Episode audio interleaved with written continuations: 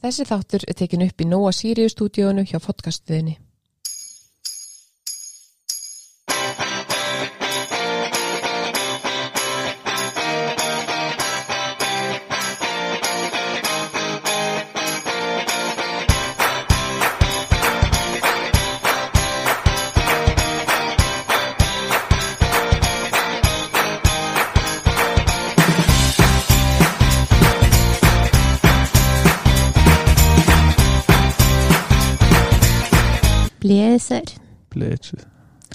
Segirðu?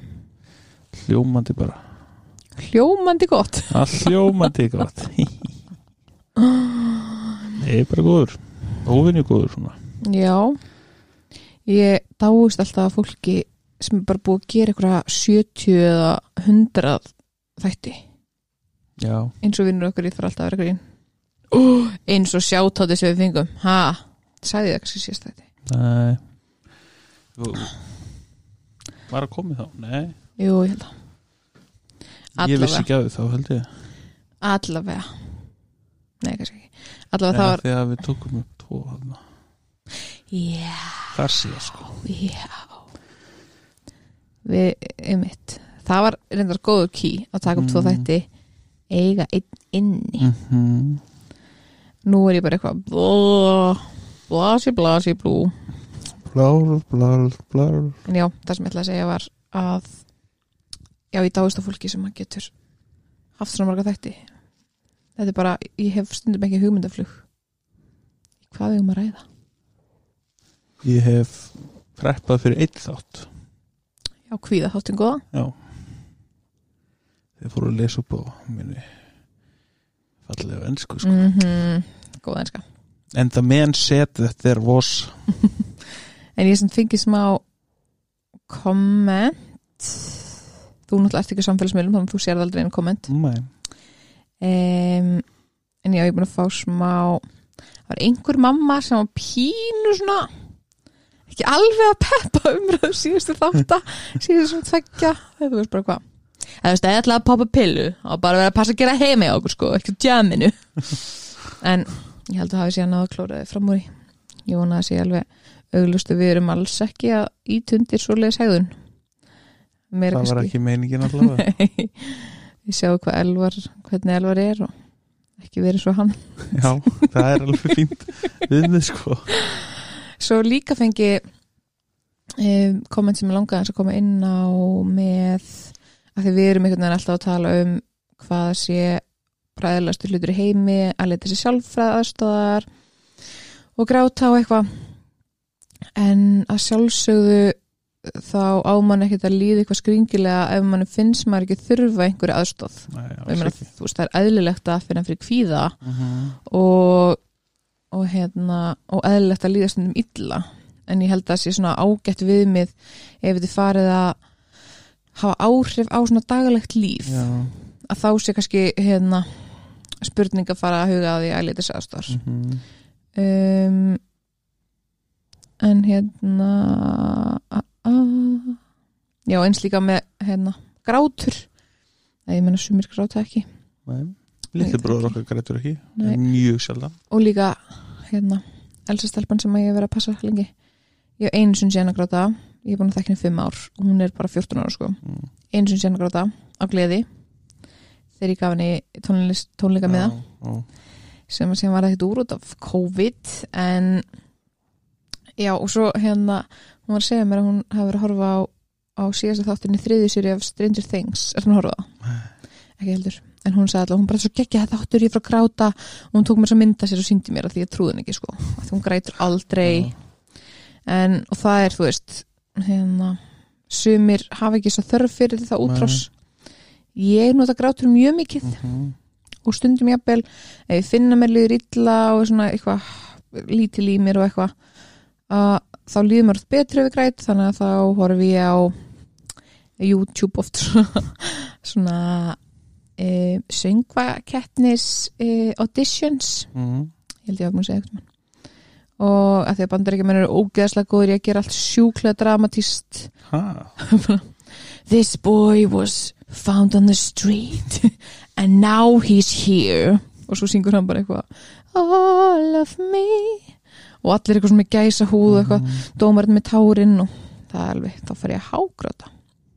Ég gerði þetta í gær. En það, er Ég- aðeins að losa grátur.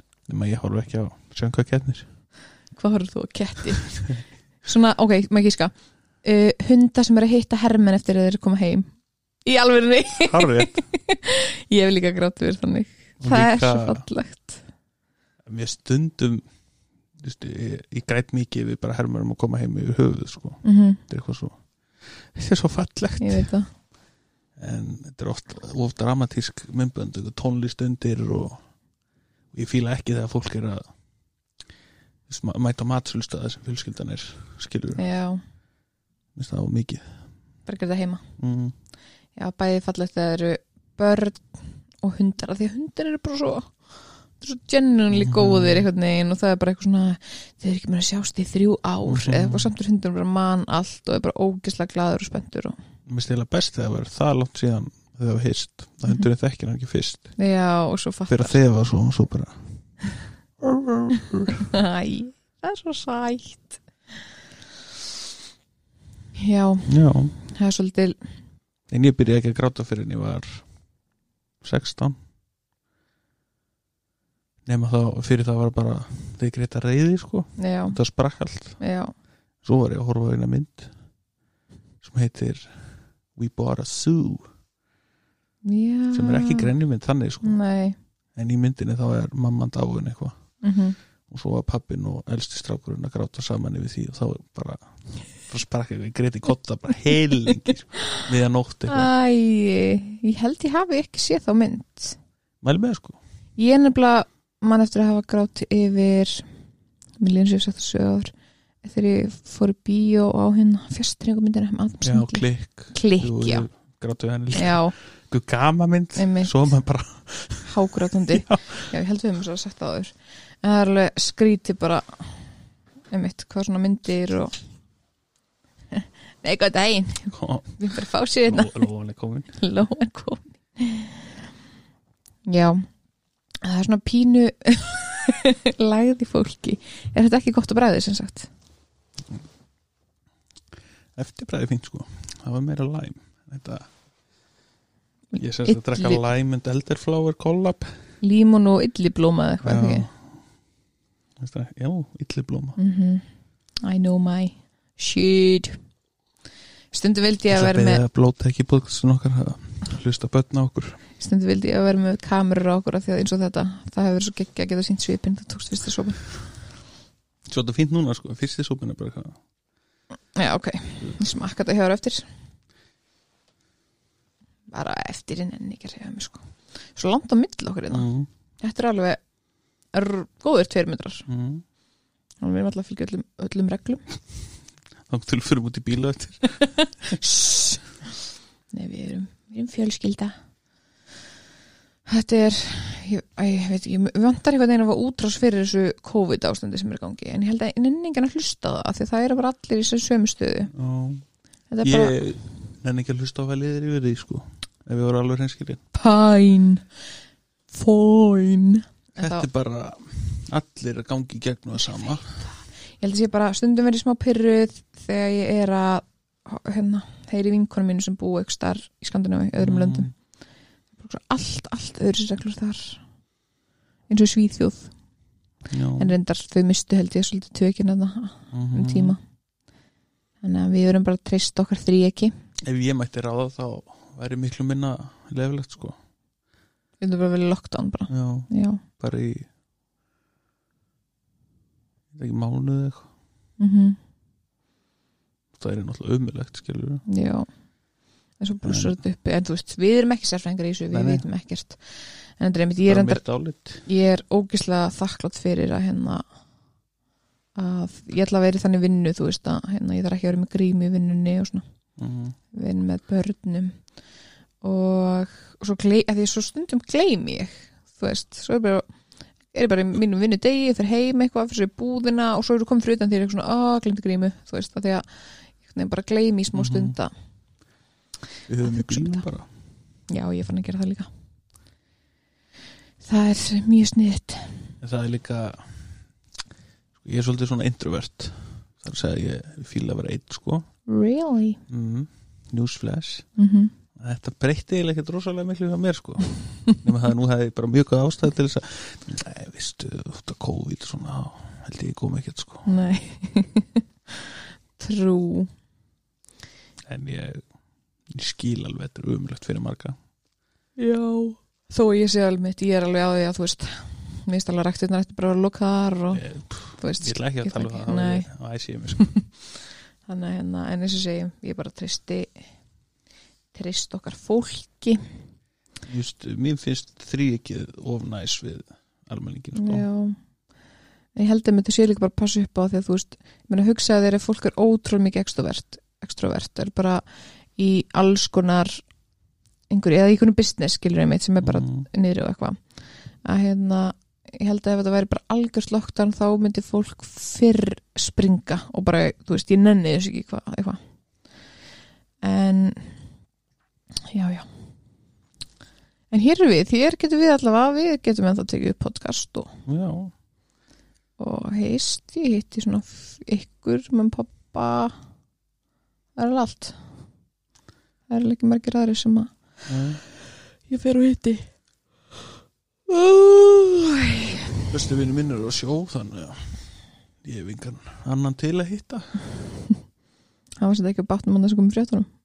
Nei, það var rosalegt það var skita eitthvað, eitthvað, við vissum ekkit hvað þetta COVID var bara einmitt.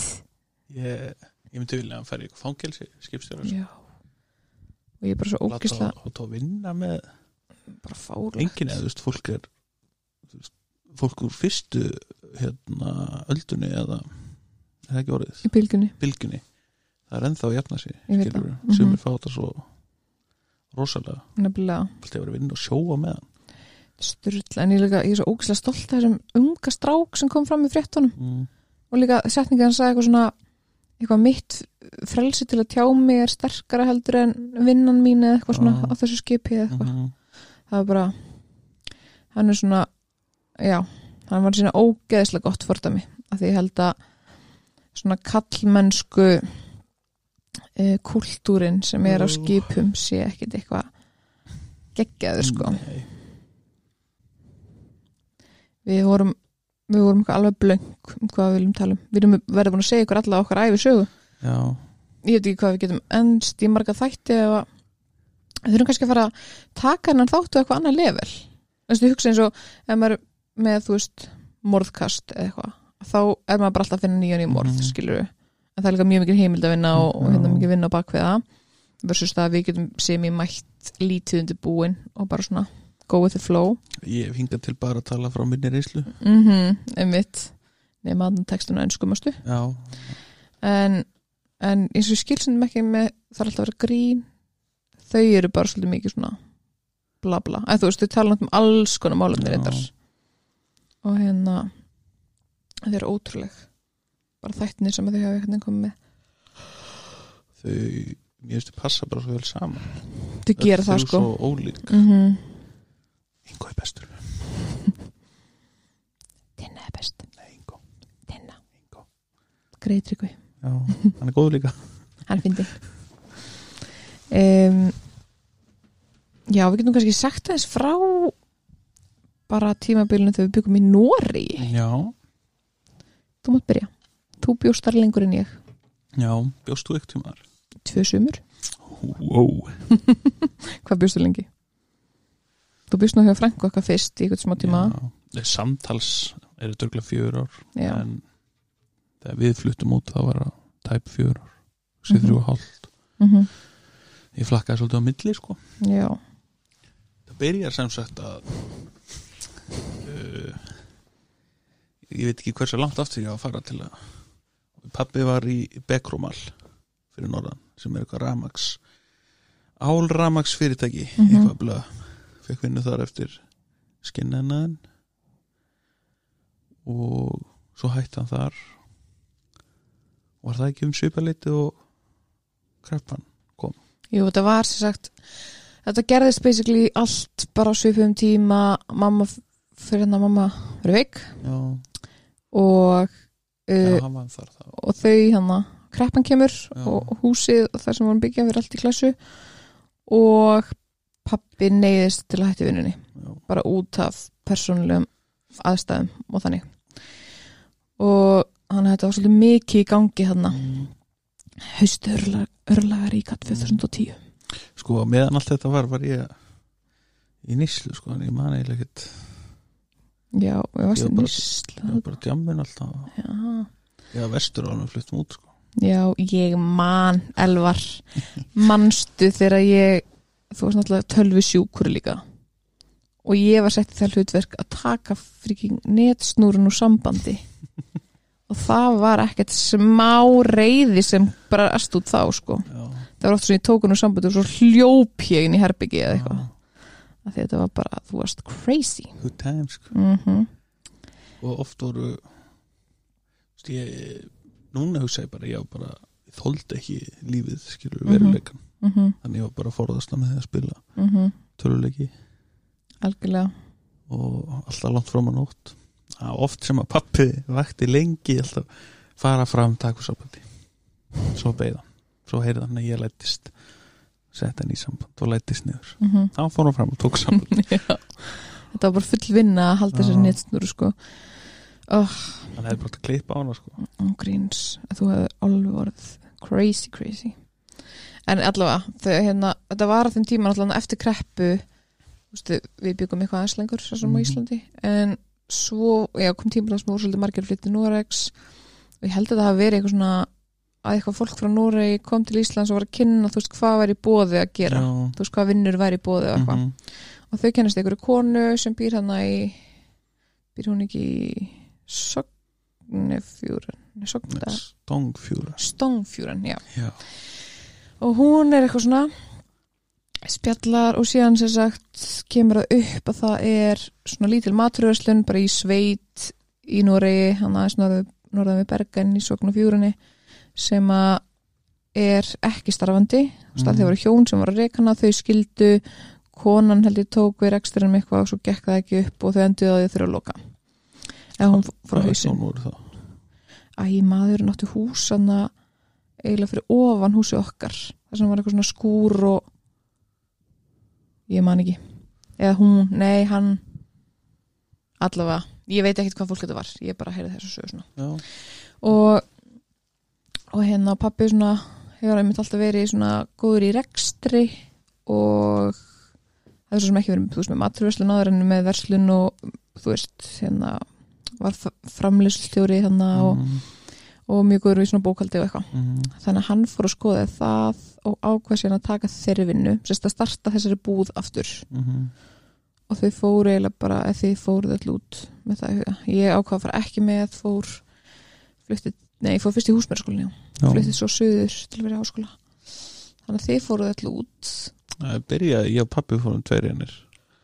Já, alveg rétt, um í sumari þetta er í 2013. lók júni Nei, júli, nei, júni var það júni? mm ég man að ég útskrifast úr Emma fór síðan til London að hitta auperfylskildina sem ég bjóð hefðinu sinni. Já. Og þeir kom heim og voru því farnir út. Við allavega fórum út mm -hmm. fengum fyrst vinnu í svona fiskjaldi Mm og það er leiðilegast að vinna sem ég hef vunnið næstleiðilegast, fyrir ekki, næstleiðilegast að vinna sem ég hef vunnið, Er leiðilegast að stoppa bíla? Ha? Er leiðilegast að stoppa bíla? það kemur sinna sko, ekki vera að sögunni ekki.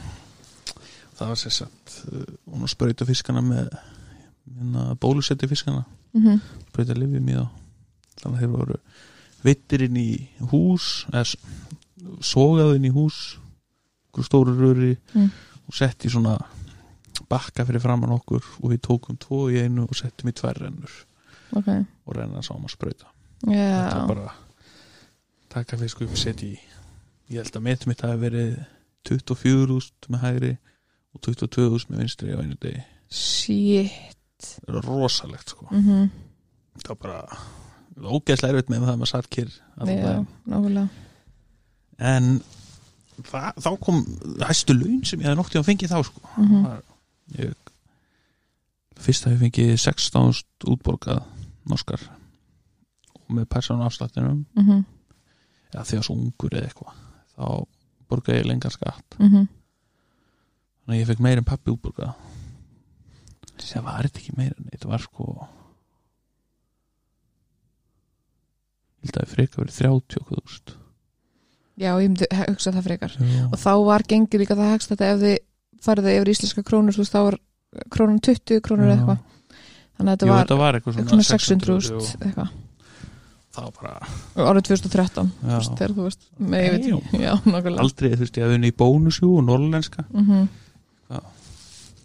skítalun það var geðvitt fyrst sko svo þegar vorum ekki vinnu þá vorum við að rúnta. Kynnast hverfinu. Keirum landið bara. Nokkulega og svo komu mamma og daði í ágústrugla að þetta er náttúrulega byrjaði í skóla þannig áti já, allir ekki. Og mamma fekk svo vinnu á elli heimli já. Ég reyna að muni þetta sko Jú, við unnum hann í tvo, þrjá mánuði í þessu fiskjaldi mm -hmm. svo fórum við að gera upp búðina innan rífa nefið veggi og eitthvað endur skipulegja Mhm. svo vatnaði búðin og það var svona gama fyrir pappa en ég er meira svona eins og mamma sko, ég er ekkert mikil people person. Já, og svolítið erfitt bara. En líka bara því ég meina þið basically bara hoppuð í djúbulögina Já. hvoru er eitthvað kunni staf í norsku. Nei, og svo bara fóruð þarna út. Og náttúrulega verið ekki að tala við þetta norsku í þessu fiskdæmi. Og síðan bara starta búð og fyrir að fara að tala norsku mm, allan daginn, eða þú veist. Náttúrulega ógstlega, þú veist, það sem er gott að þetta var pínlítið samfélag, þetta var um svona bara sveit sem að þessi búð þjónustæði svona eitthvað hérna, svona, svona í rauninni ekki beint sveita bæir bara í kring, þetta er líka alveg svona svona húsþyrpingar, þú veist, það er svo ógstlega erfitt að útskýra þetta svona meða við um, meða við Ísland, eða þú veist. Ég myndi líka þessu við kjalanes nema bara aðeins minna sko. Já, já, einmitt. það var eiginlega bara ein gata sem var svona eins og ell Mhm. það sem flest húsin voru. Og restin voru eiginlega sveitabæði bara. Já. En, og svo er rauninni var samt alveg langt í næstu búð, eða þú veist Dali sem var svona næst í bær það var 20 mynd nakstu þangað eitthvað. á góðan deg og fördi svona klukt í makstur það var svona, það var svona stæðið akureyri. Hann er hérna hann er, og það var alveg svona vöndun á þessari búð, það var alveg þörf fyrir að hafa búð þarna. En hérna en já, það var allir óslega næs líka að taka móti þú veist, Íslendingunum sem Já. komu og þú veist, Elvar pappa búið mat til eitthvað, eitthvað fólk sanna sem bjó og hérna hjálpuði þeim að að læra norsku, náttúrulega byrja að tala aðeins Mhm. norsku þú veist, áður en að búðin opnaði. En ég vildi hefði sko séð ykkur þannig fyrst bara, þetta var fyrsta kvöldið þá mætu við til Hildigun og Arve mm -hmm, sem eru góðu vinnir í dag. Mm og það var chili í matinn mjög gott. Chili, Já, chili réttur, ok, ekki sko eitthvað chili. Nei chili con carne þannig,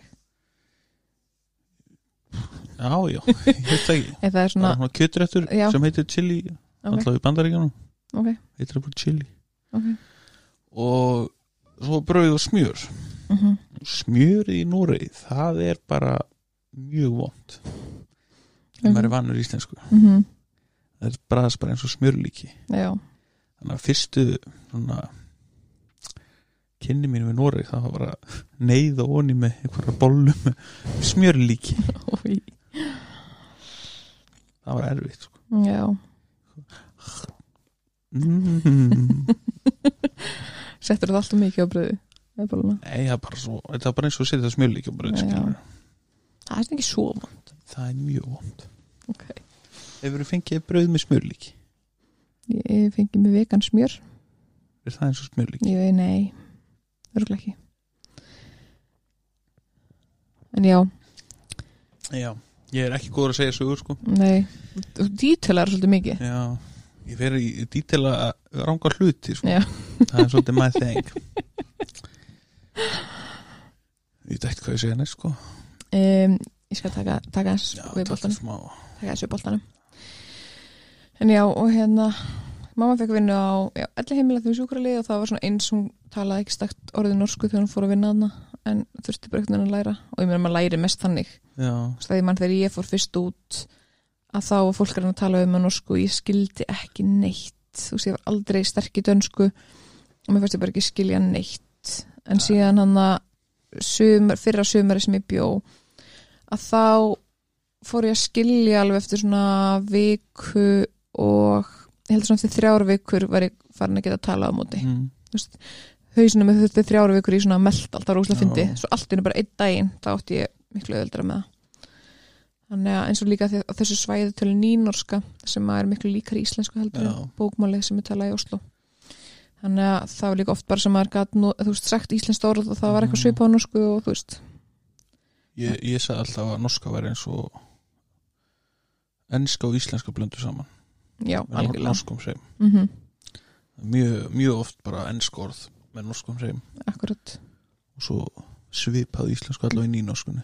TV, TV besta ásenda pabbi hann gætt aldrei hann gætt aldrei lært það að, að ef hann ætla að segja ef já, á íslensku orði þá hérna ætti hann að segja viss. Viss du kann eða eitthvað. Hvað ég er norski heimurinn hérna en hérna, hann sagði alltaf ef. Hann bjóði nefnir í Mm. fjör ár Mhm. eitthvað.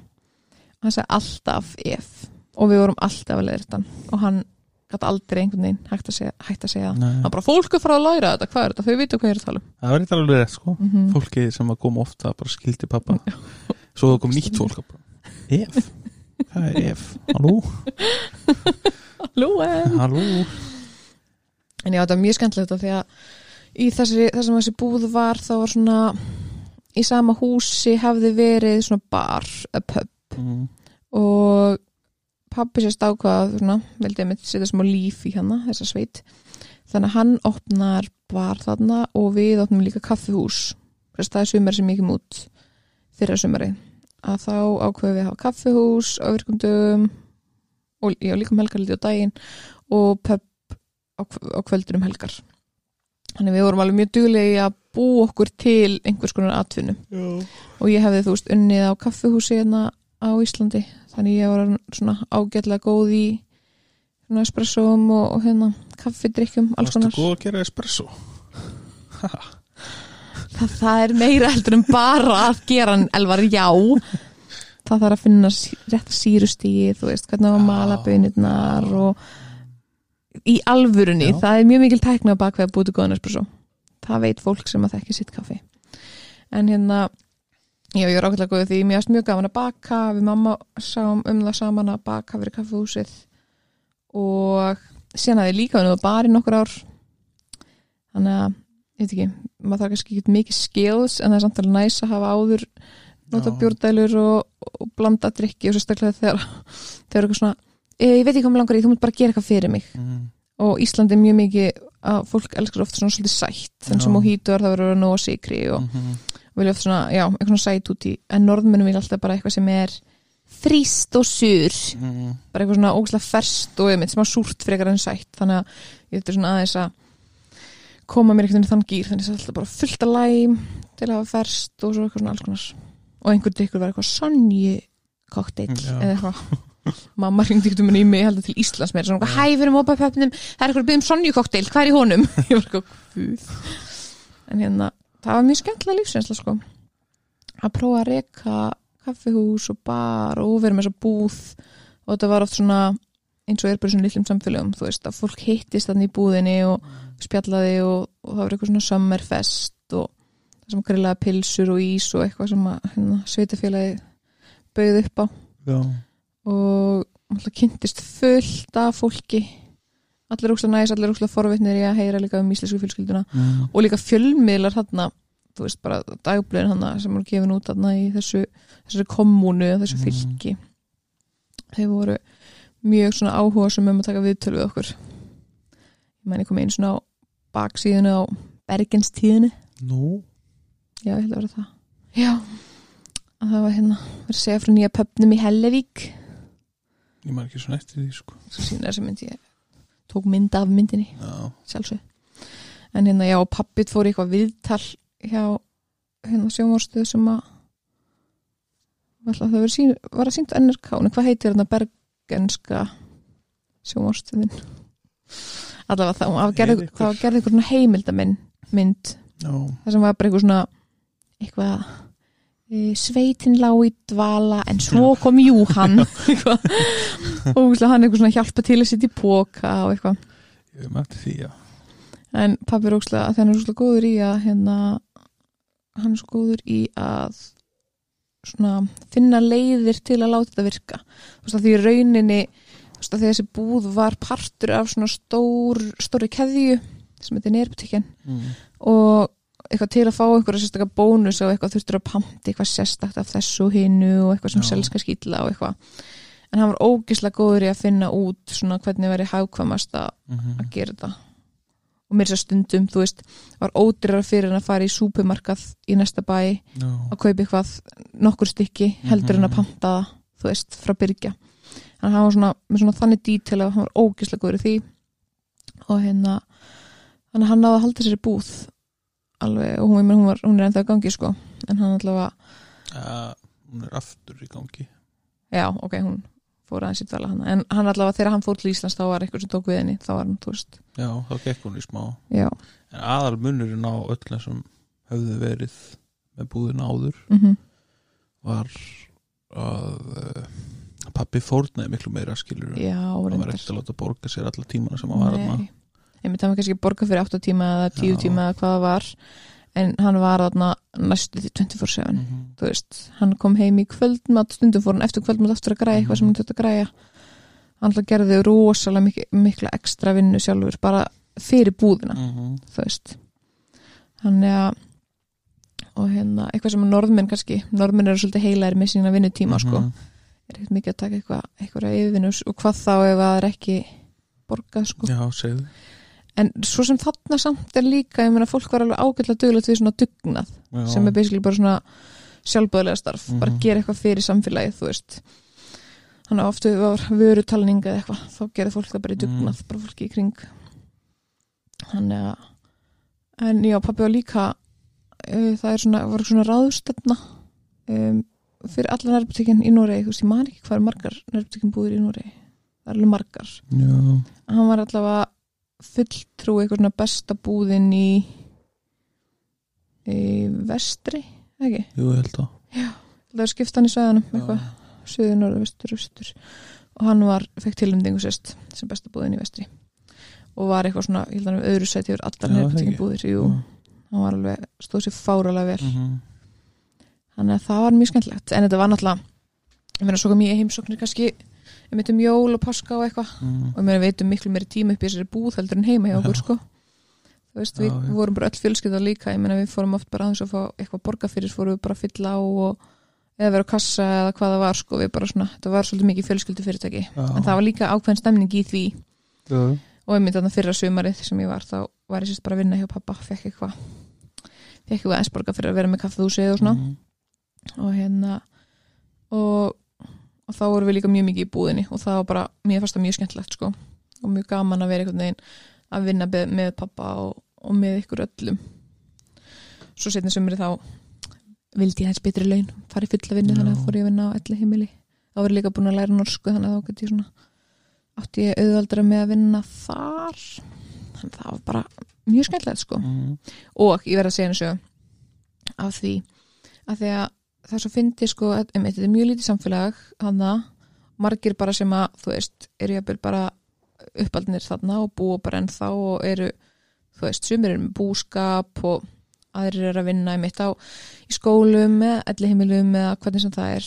Hefur kannski ekki mikið farinnitt út fyrir þannig ramma. Og þegar pappi kom í búðina þá byrja hann að taka inn sætar kartöflur Mhm. sem hefði ekki verið gert áður og það var í alvörinu bara fólk um 50 sem hefði Mhm. aldrei séð eða smakka sæta kartöflu á æfisinni Hva, hvað er þetta? Sæt kartabla Kartabla? Hæ? Bara ógisla skýt og eins líka með kaffehúsið, þú veist það var kona þarna Eid mm.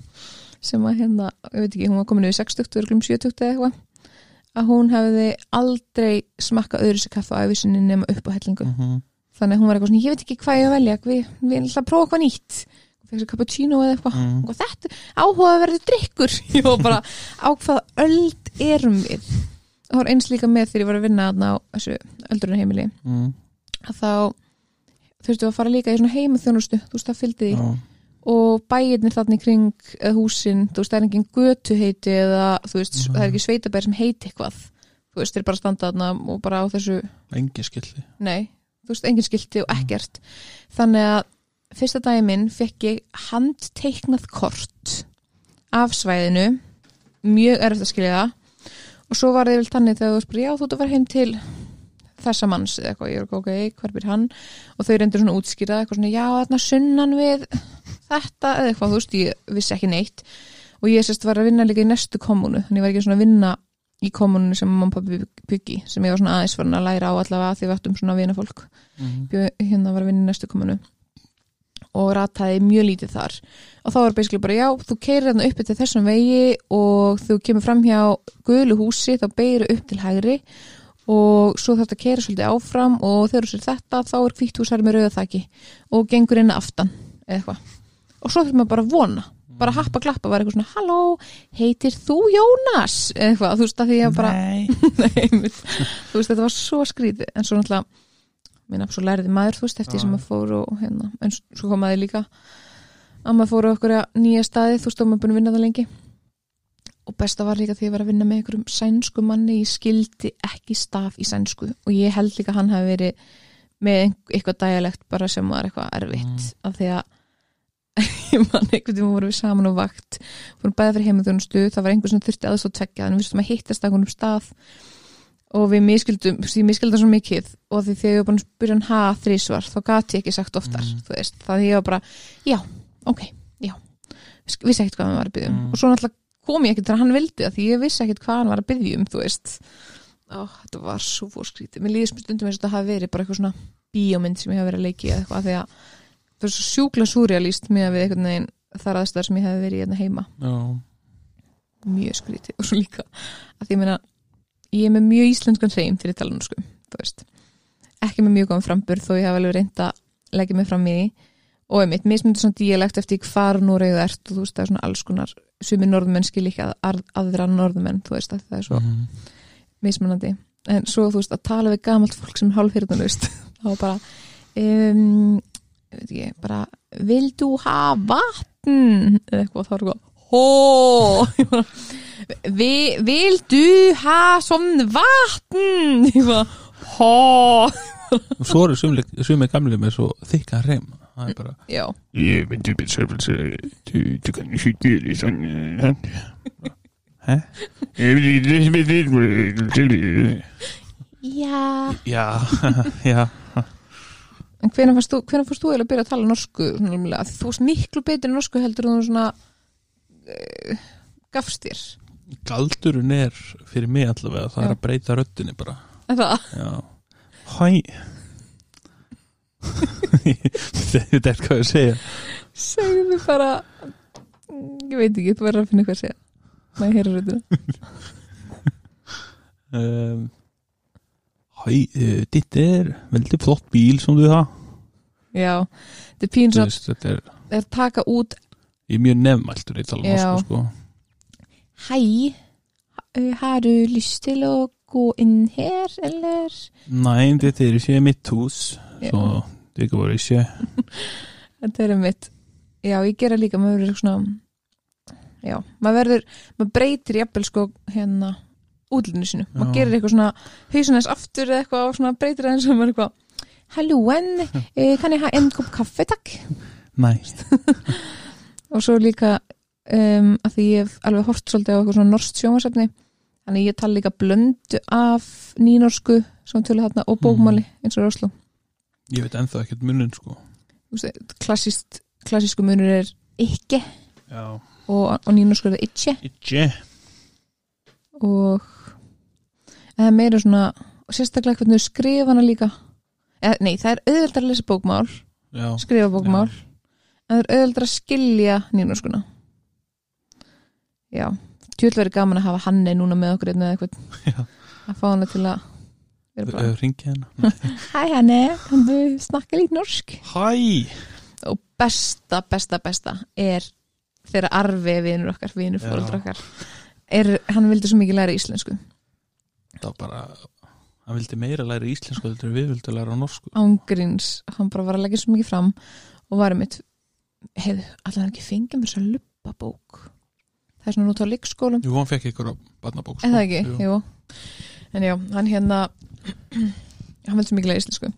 Þau eru rosalega erfitt með að segja eð og þótt mhm. þannig að, að segja, þú veist það var að telja að það sé áttu að segja þrýr það var alltaf bara þrýr Þrýr og hún var stókslega gaman að segja þrjáttjú og þrýr það er bara þrjá, þrjáttjú og þrýr og ég sakna hans lektu hans arfi, hann er ekki gæður Halló, Elvar!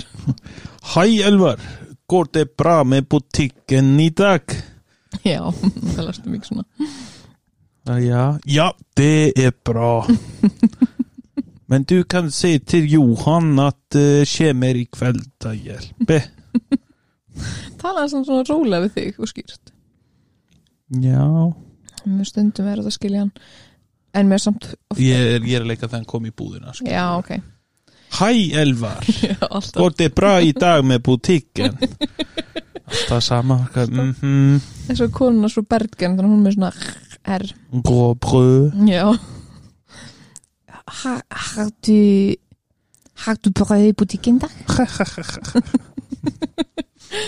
Dásamleg En mér finnst svo næs að því ég bjó náttúrulega Íslandi en hafði ykkur úti þannig að það var ekki næs að hafa ykkur langt í burtu en mér er svo næs að komast í burtu í frí Mhm. þannig að þú veist ég var að fara í svona mitt páskafrím, jólfrím og, og sumarfrím alls konar að fara til Noregs og eiga svona annað heimili þar Mm.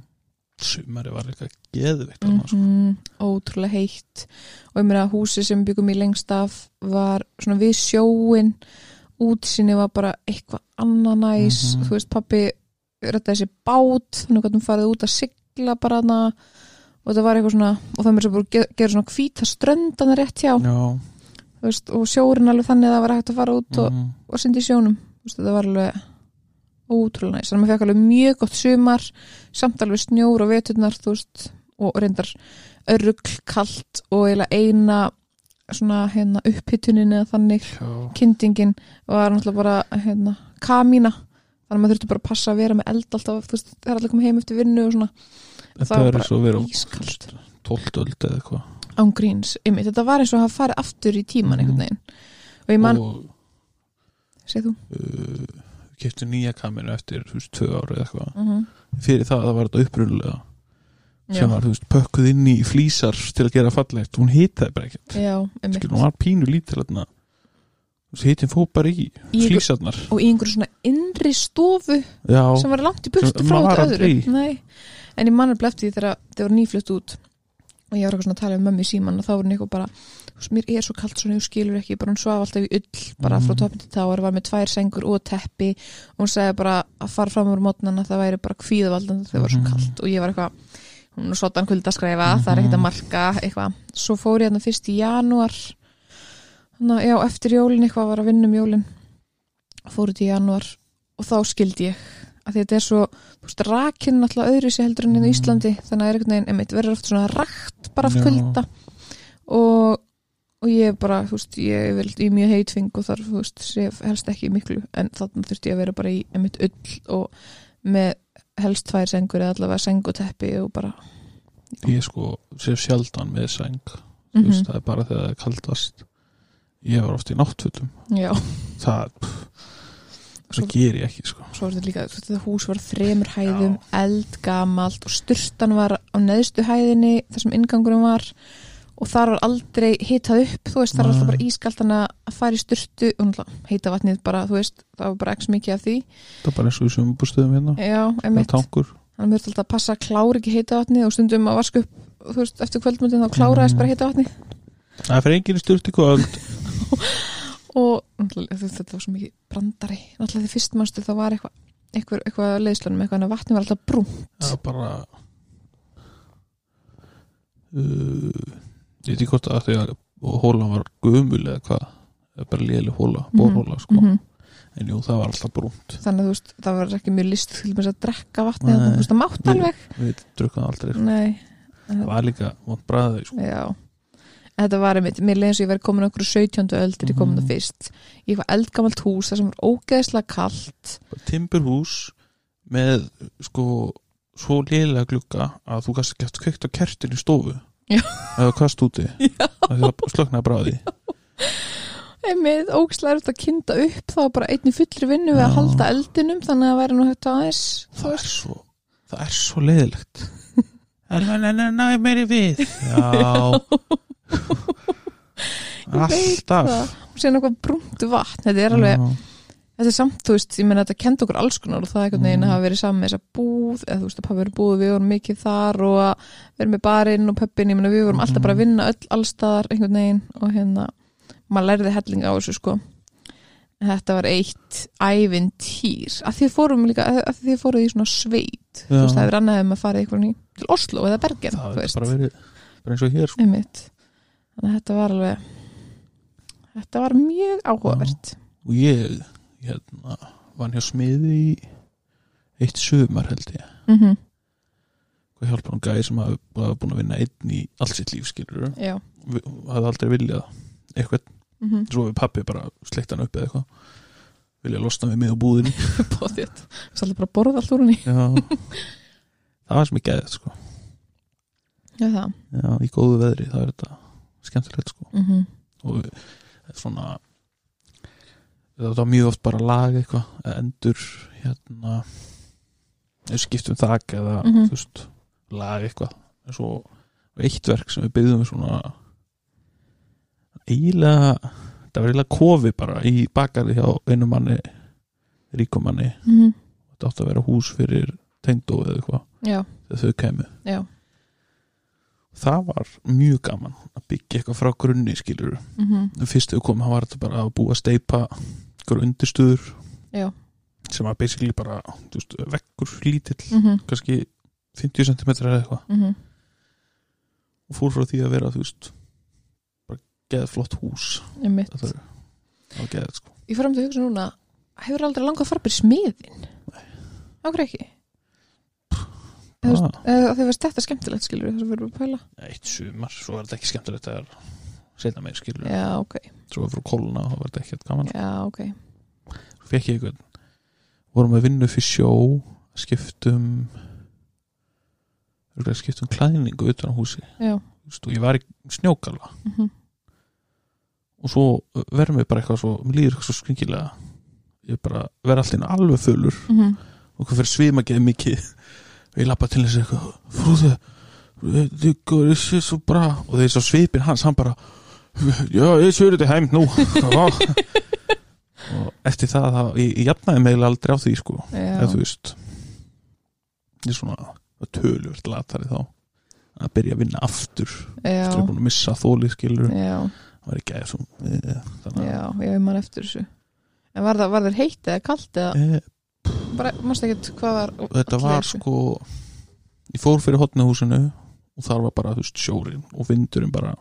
Mhm, þá var mér ískalt. Mhm. og ég veit ekki ennþá hvað gerir skilur hvort þetta verið blóðsikur eða Já, blóðþristingur eða hvað sko. Já, það var bara allt í einu svona bara fór mér svima geðveikt mikið. En óþægilegt. Já.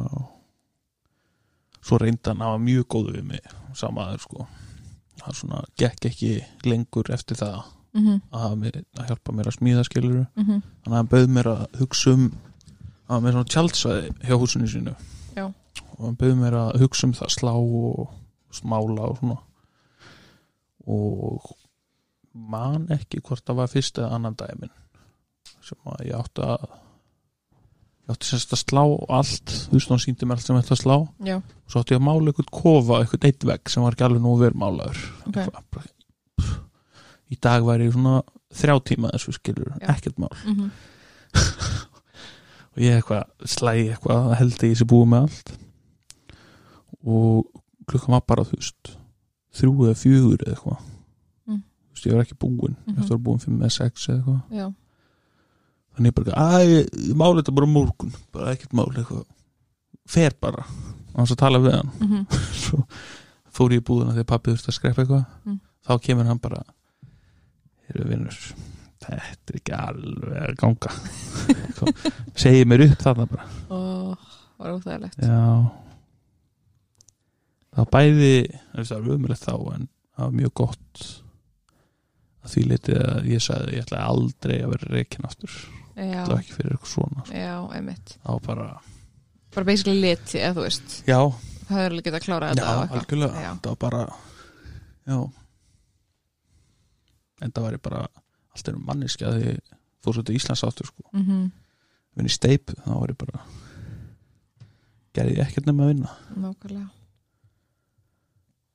En já, fór til Íslands eitthvað vinn í steipu, fór svo aftur út eftir það já, var það? mm. og þá fór ég að vinna við að stoppa umferð já, það er mann skemmandi starf Guð minn álmáttur það er bara það versta sem ég gert á æfinni sko. en líka þetta voru aðalega nættvaktir já en hvernig var típisk vakt hjá þér? spila leiki í símanum tala við gæðin sem ég var að vinna með skilur ég er þetta mjög heppin að að eitt sem einar yngri en ég við vorum alltaf saman í verkefnum sko. ok, þannig að það var, það gerði þetta tölvört skára sko. mhm. En þú veist, að sitja í bíl frá segjum bara 12 miðnætti til 8 já, sitja í bíl, ger ekki neitt. Mhm. Þú veist. Svo kemur ykkur eitt gæi skilur á bíl eitthvað. Hvað er lokað hérna? Eitthvað, já því miður, anskota stjúl okkur er að loka veginum? Gett reyður og fyrir maður bara fyrir geðu ég, í ræðingum þetta samt. Nei. já, nákvæmlega. Nei, versta var bara að býða sko. En gáttu ekki bara skipst á að leggja ykkur eða? gátum það, jú, ég bara veist hver vinnubílum var? Nei, Jaris er svo við áttum já, rauði. Já. Nema Station eða þú séð þannig nei, Jaris Vego eða eitthvað. Ok. Þetta er ekki ósvipað hérna nýri bílum en að mækjum fjólublá, já, svo ok, svipaður í læginu já. Tvekja sæta, mhm. Með svona grind fyrir aftan fransætin Já. og ég er svona rétt passaðinn já, skilur Ah, þannig að kannski eins og lagt sæti já, ég laði mig stundum jú, aftur í skotti sko. en þú veist, það var ekkert þægilegt. Nei, nokkulega shit. Það var gaman að gaman að kera á milli. Svo voru við ekkert tíma að vinna okkur fjalli. Þess að sagt mjög hátt uppi þú veist, Mhm. hjá okkur um bæ. Og það var verið að reynsa við vorum sérst að reynsa fjöllin fyrir göng. Mm sérst áður við byrja að bóra já, það var verið að saga nutri og losa niður alla lausa stein og svona.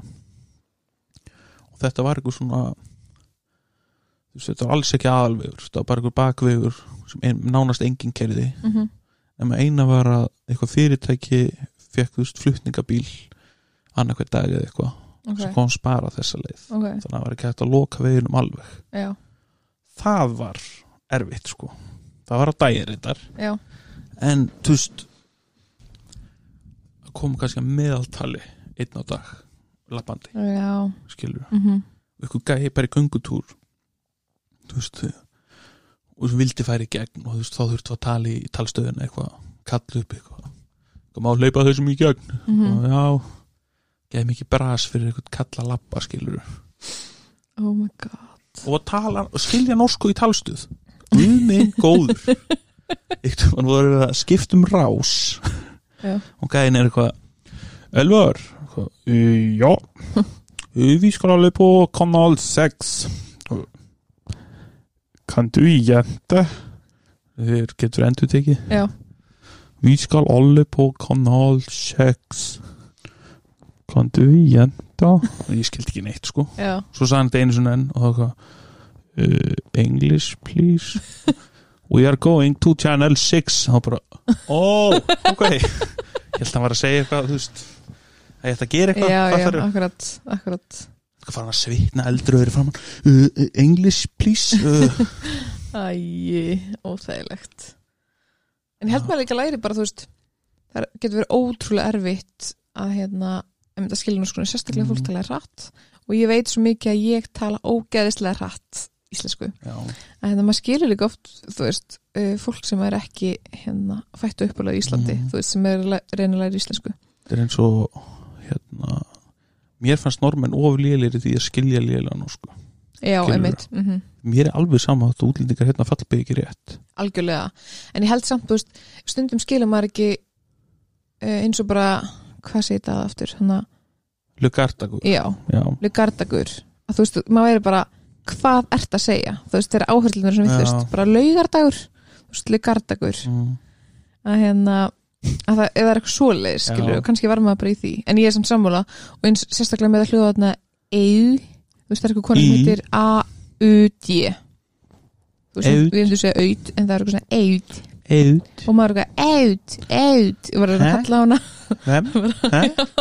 Við skildi ekki neitt og svo eitthvað, já Eud. já, og eitthvað mann maður, fannst þetta alveg eins sko. Það er bara, ég sagði það. Næ þú sagðir eud en það er eitthvað. Svo er uppsur og niður þetta úti.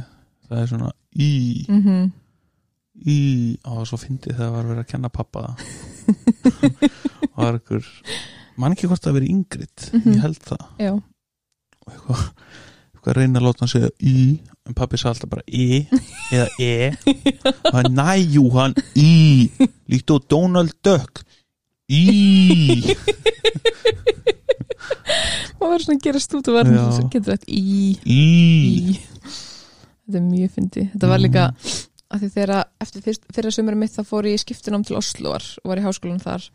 Og hérna og fann mér, ég er rosa finn, góð að finna mér eitthvað svona góða díla, þannig að í staðin fyrir að leiða mér íbúð í Oslo að þá komst ég samband við íslenska konu sem vantaði pössum fyrir börnin sín. Þannig ég fekk að, að búa frítt hjá henni og í staðin passa ég börninnar og hérna og þau veist, íslensku og norsku en svo var ég eitthvað að lesa norskar bækur og var eitthvað að æfa mig og það sé eitthvað bara og þau voru bara eitthvað killing.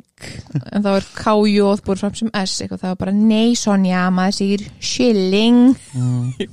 Ó, shilling hann var að spísi kittling án grísi eitthvað maður segir shilling elska norsku sko. En já, þetta var skemmtileg sann um Noreg. Mm. Hmm. eru, eru búin það? Ég það er ekki tala um meira? Veit hvað langar að segja mér? Ég get verið þetta marga klukktíma segja dítilið um eitthvað sem er ekkert skemmtilegt. Segja títil um hvernig hvernig veginnir í Noreg eru? Já, veginnir í sóknum fjúrani það er eins og að keira á einni akrin hérna. Mm og svo komum svo Já, innskott ætli það ekki. Þú veist, jú, að það, jú, það er eins og kannski rétt rúmlega ein. Já. Þannig er ekki ekki- ein og hálf nei, það er ekki því það, sko. já. og síðan annarslægið kemur svona svona, hvað heitir það? það var útskott bara, útskot. bara eins og í göngum hérna. Já, svo í hérna stráka göngum, veitu það ekki fyrir norra, já, jú, ég held að þetta. Er það ekki mjóu hérna mm -hmm, það, er- það er basically þannig vegir, aðeins breyðari kannski. Mm -hmm. Það er hægt að mætast. Veist, og maður var bara vanur því að þú veist uh, hægri dekkin, Já. þau voru bara á brúlinni á veginum, alltaf skilur Mm en svo líka mér að svo ef maður var að mæta flutningabíla eða eitthvað þú veist, ég mann fyrst ég var að kera þá eh, stoppaði ég alltaf út í kanti þegar ég mætti einhverjum og fólk var bara, þetta er greinlega utanbegar maður að því maður svo vandist að maður er svo ótrúlega fljótt og svo endalösa beigur og þú veist eins og að keira til Bergen frá mömmu og pappa þú veist það voru bara einhverju hundra kílómetrar en það tók rúma þrjá tíma að keira þetta. Mm -hmm. bara út af þú veist öllum beigjum, öllum göngum þú veist hvað erum við göngum milli? 22 við minnum það, Mér langar að segja 27 sko. Eða 27 það var allavega, við töldum öll með líka sér það voru kannski 5 mjög stutt sko. Já akkurat. En ef við töldum allt með það var það eitthvað 20, já, 27 Mm. þú veist, að hérna á þessum 100 kílómetrum Mhm. það var bara rugl. Og svo líka því að svo alltaf hefur komið eitthvað svona smá húsaþyrping að þá fór hraðið niður í þú veist 60 eða eitthvað, er 50 eða 50 já. þannig að maður líka, maður náði aldrei hraðanum upp einhvern veginn og náttúrulega líka bara út að beigja honum öllu. Ekki fyrir maður að fara að nálgast bergen sko, mm þá komið lína á milli akrina það er luxus, já, lína á milli það fá akrinar það var bara, Styrst, á, mér langar svo að fara hann aftur mér langar að keira þarna aftur sko.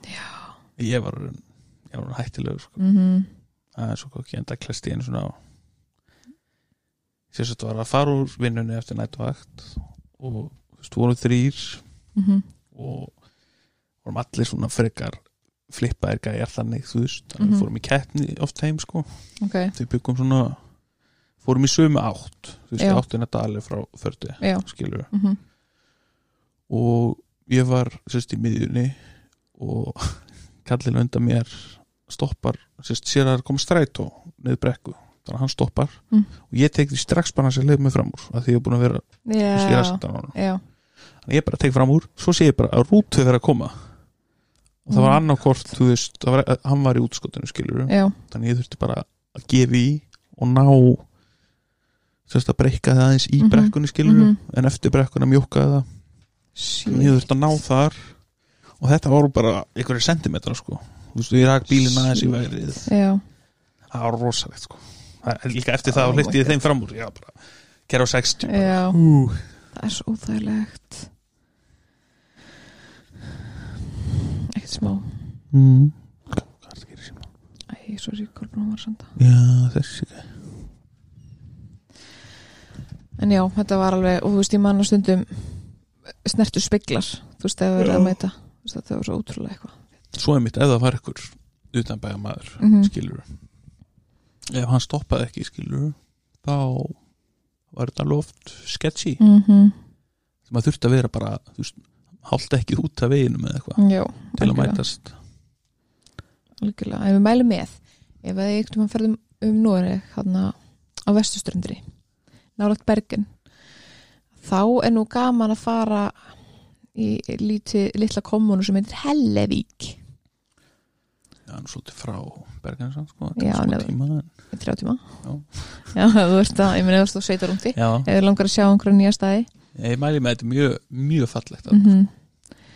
Hellevík Dalsfjúrun þá getur þið farið í nérbutíkjan Hellevík og hittið ekki pappa og ef þið farið til Askvól sem Mhm. er ekkert rosalega langt frá mm -hmm. nála því þar er stittan af já, Ingólu Arnarsinni já, það er alveg stitta og er hérna upp á Arnarhóli.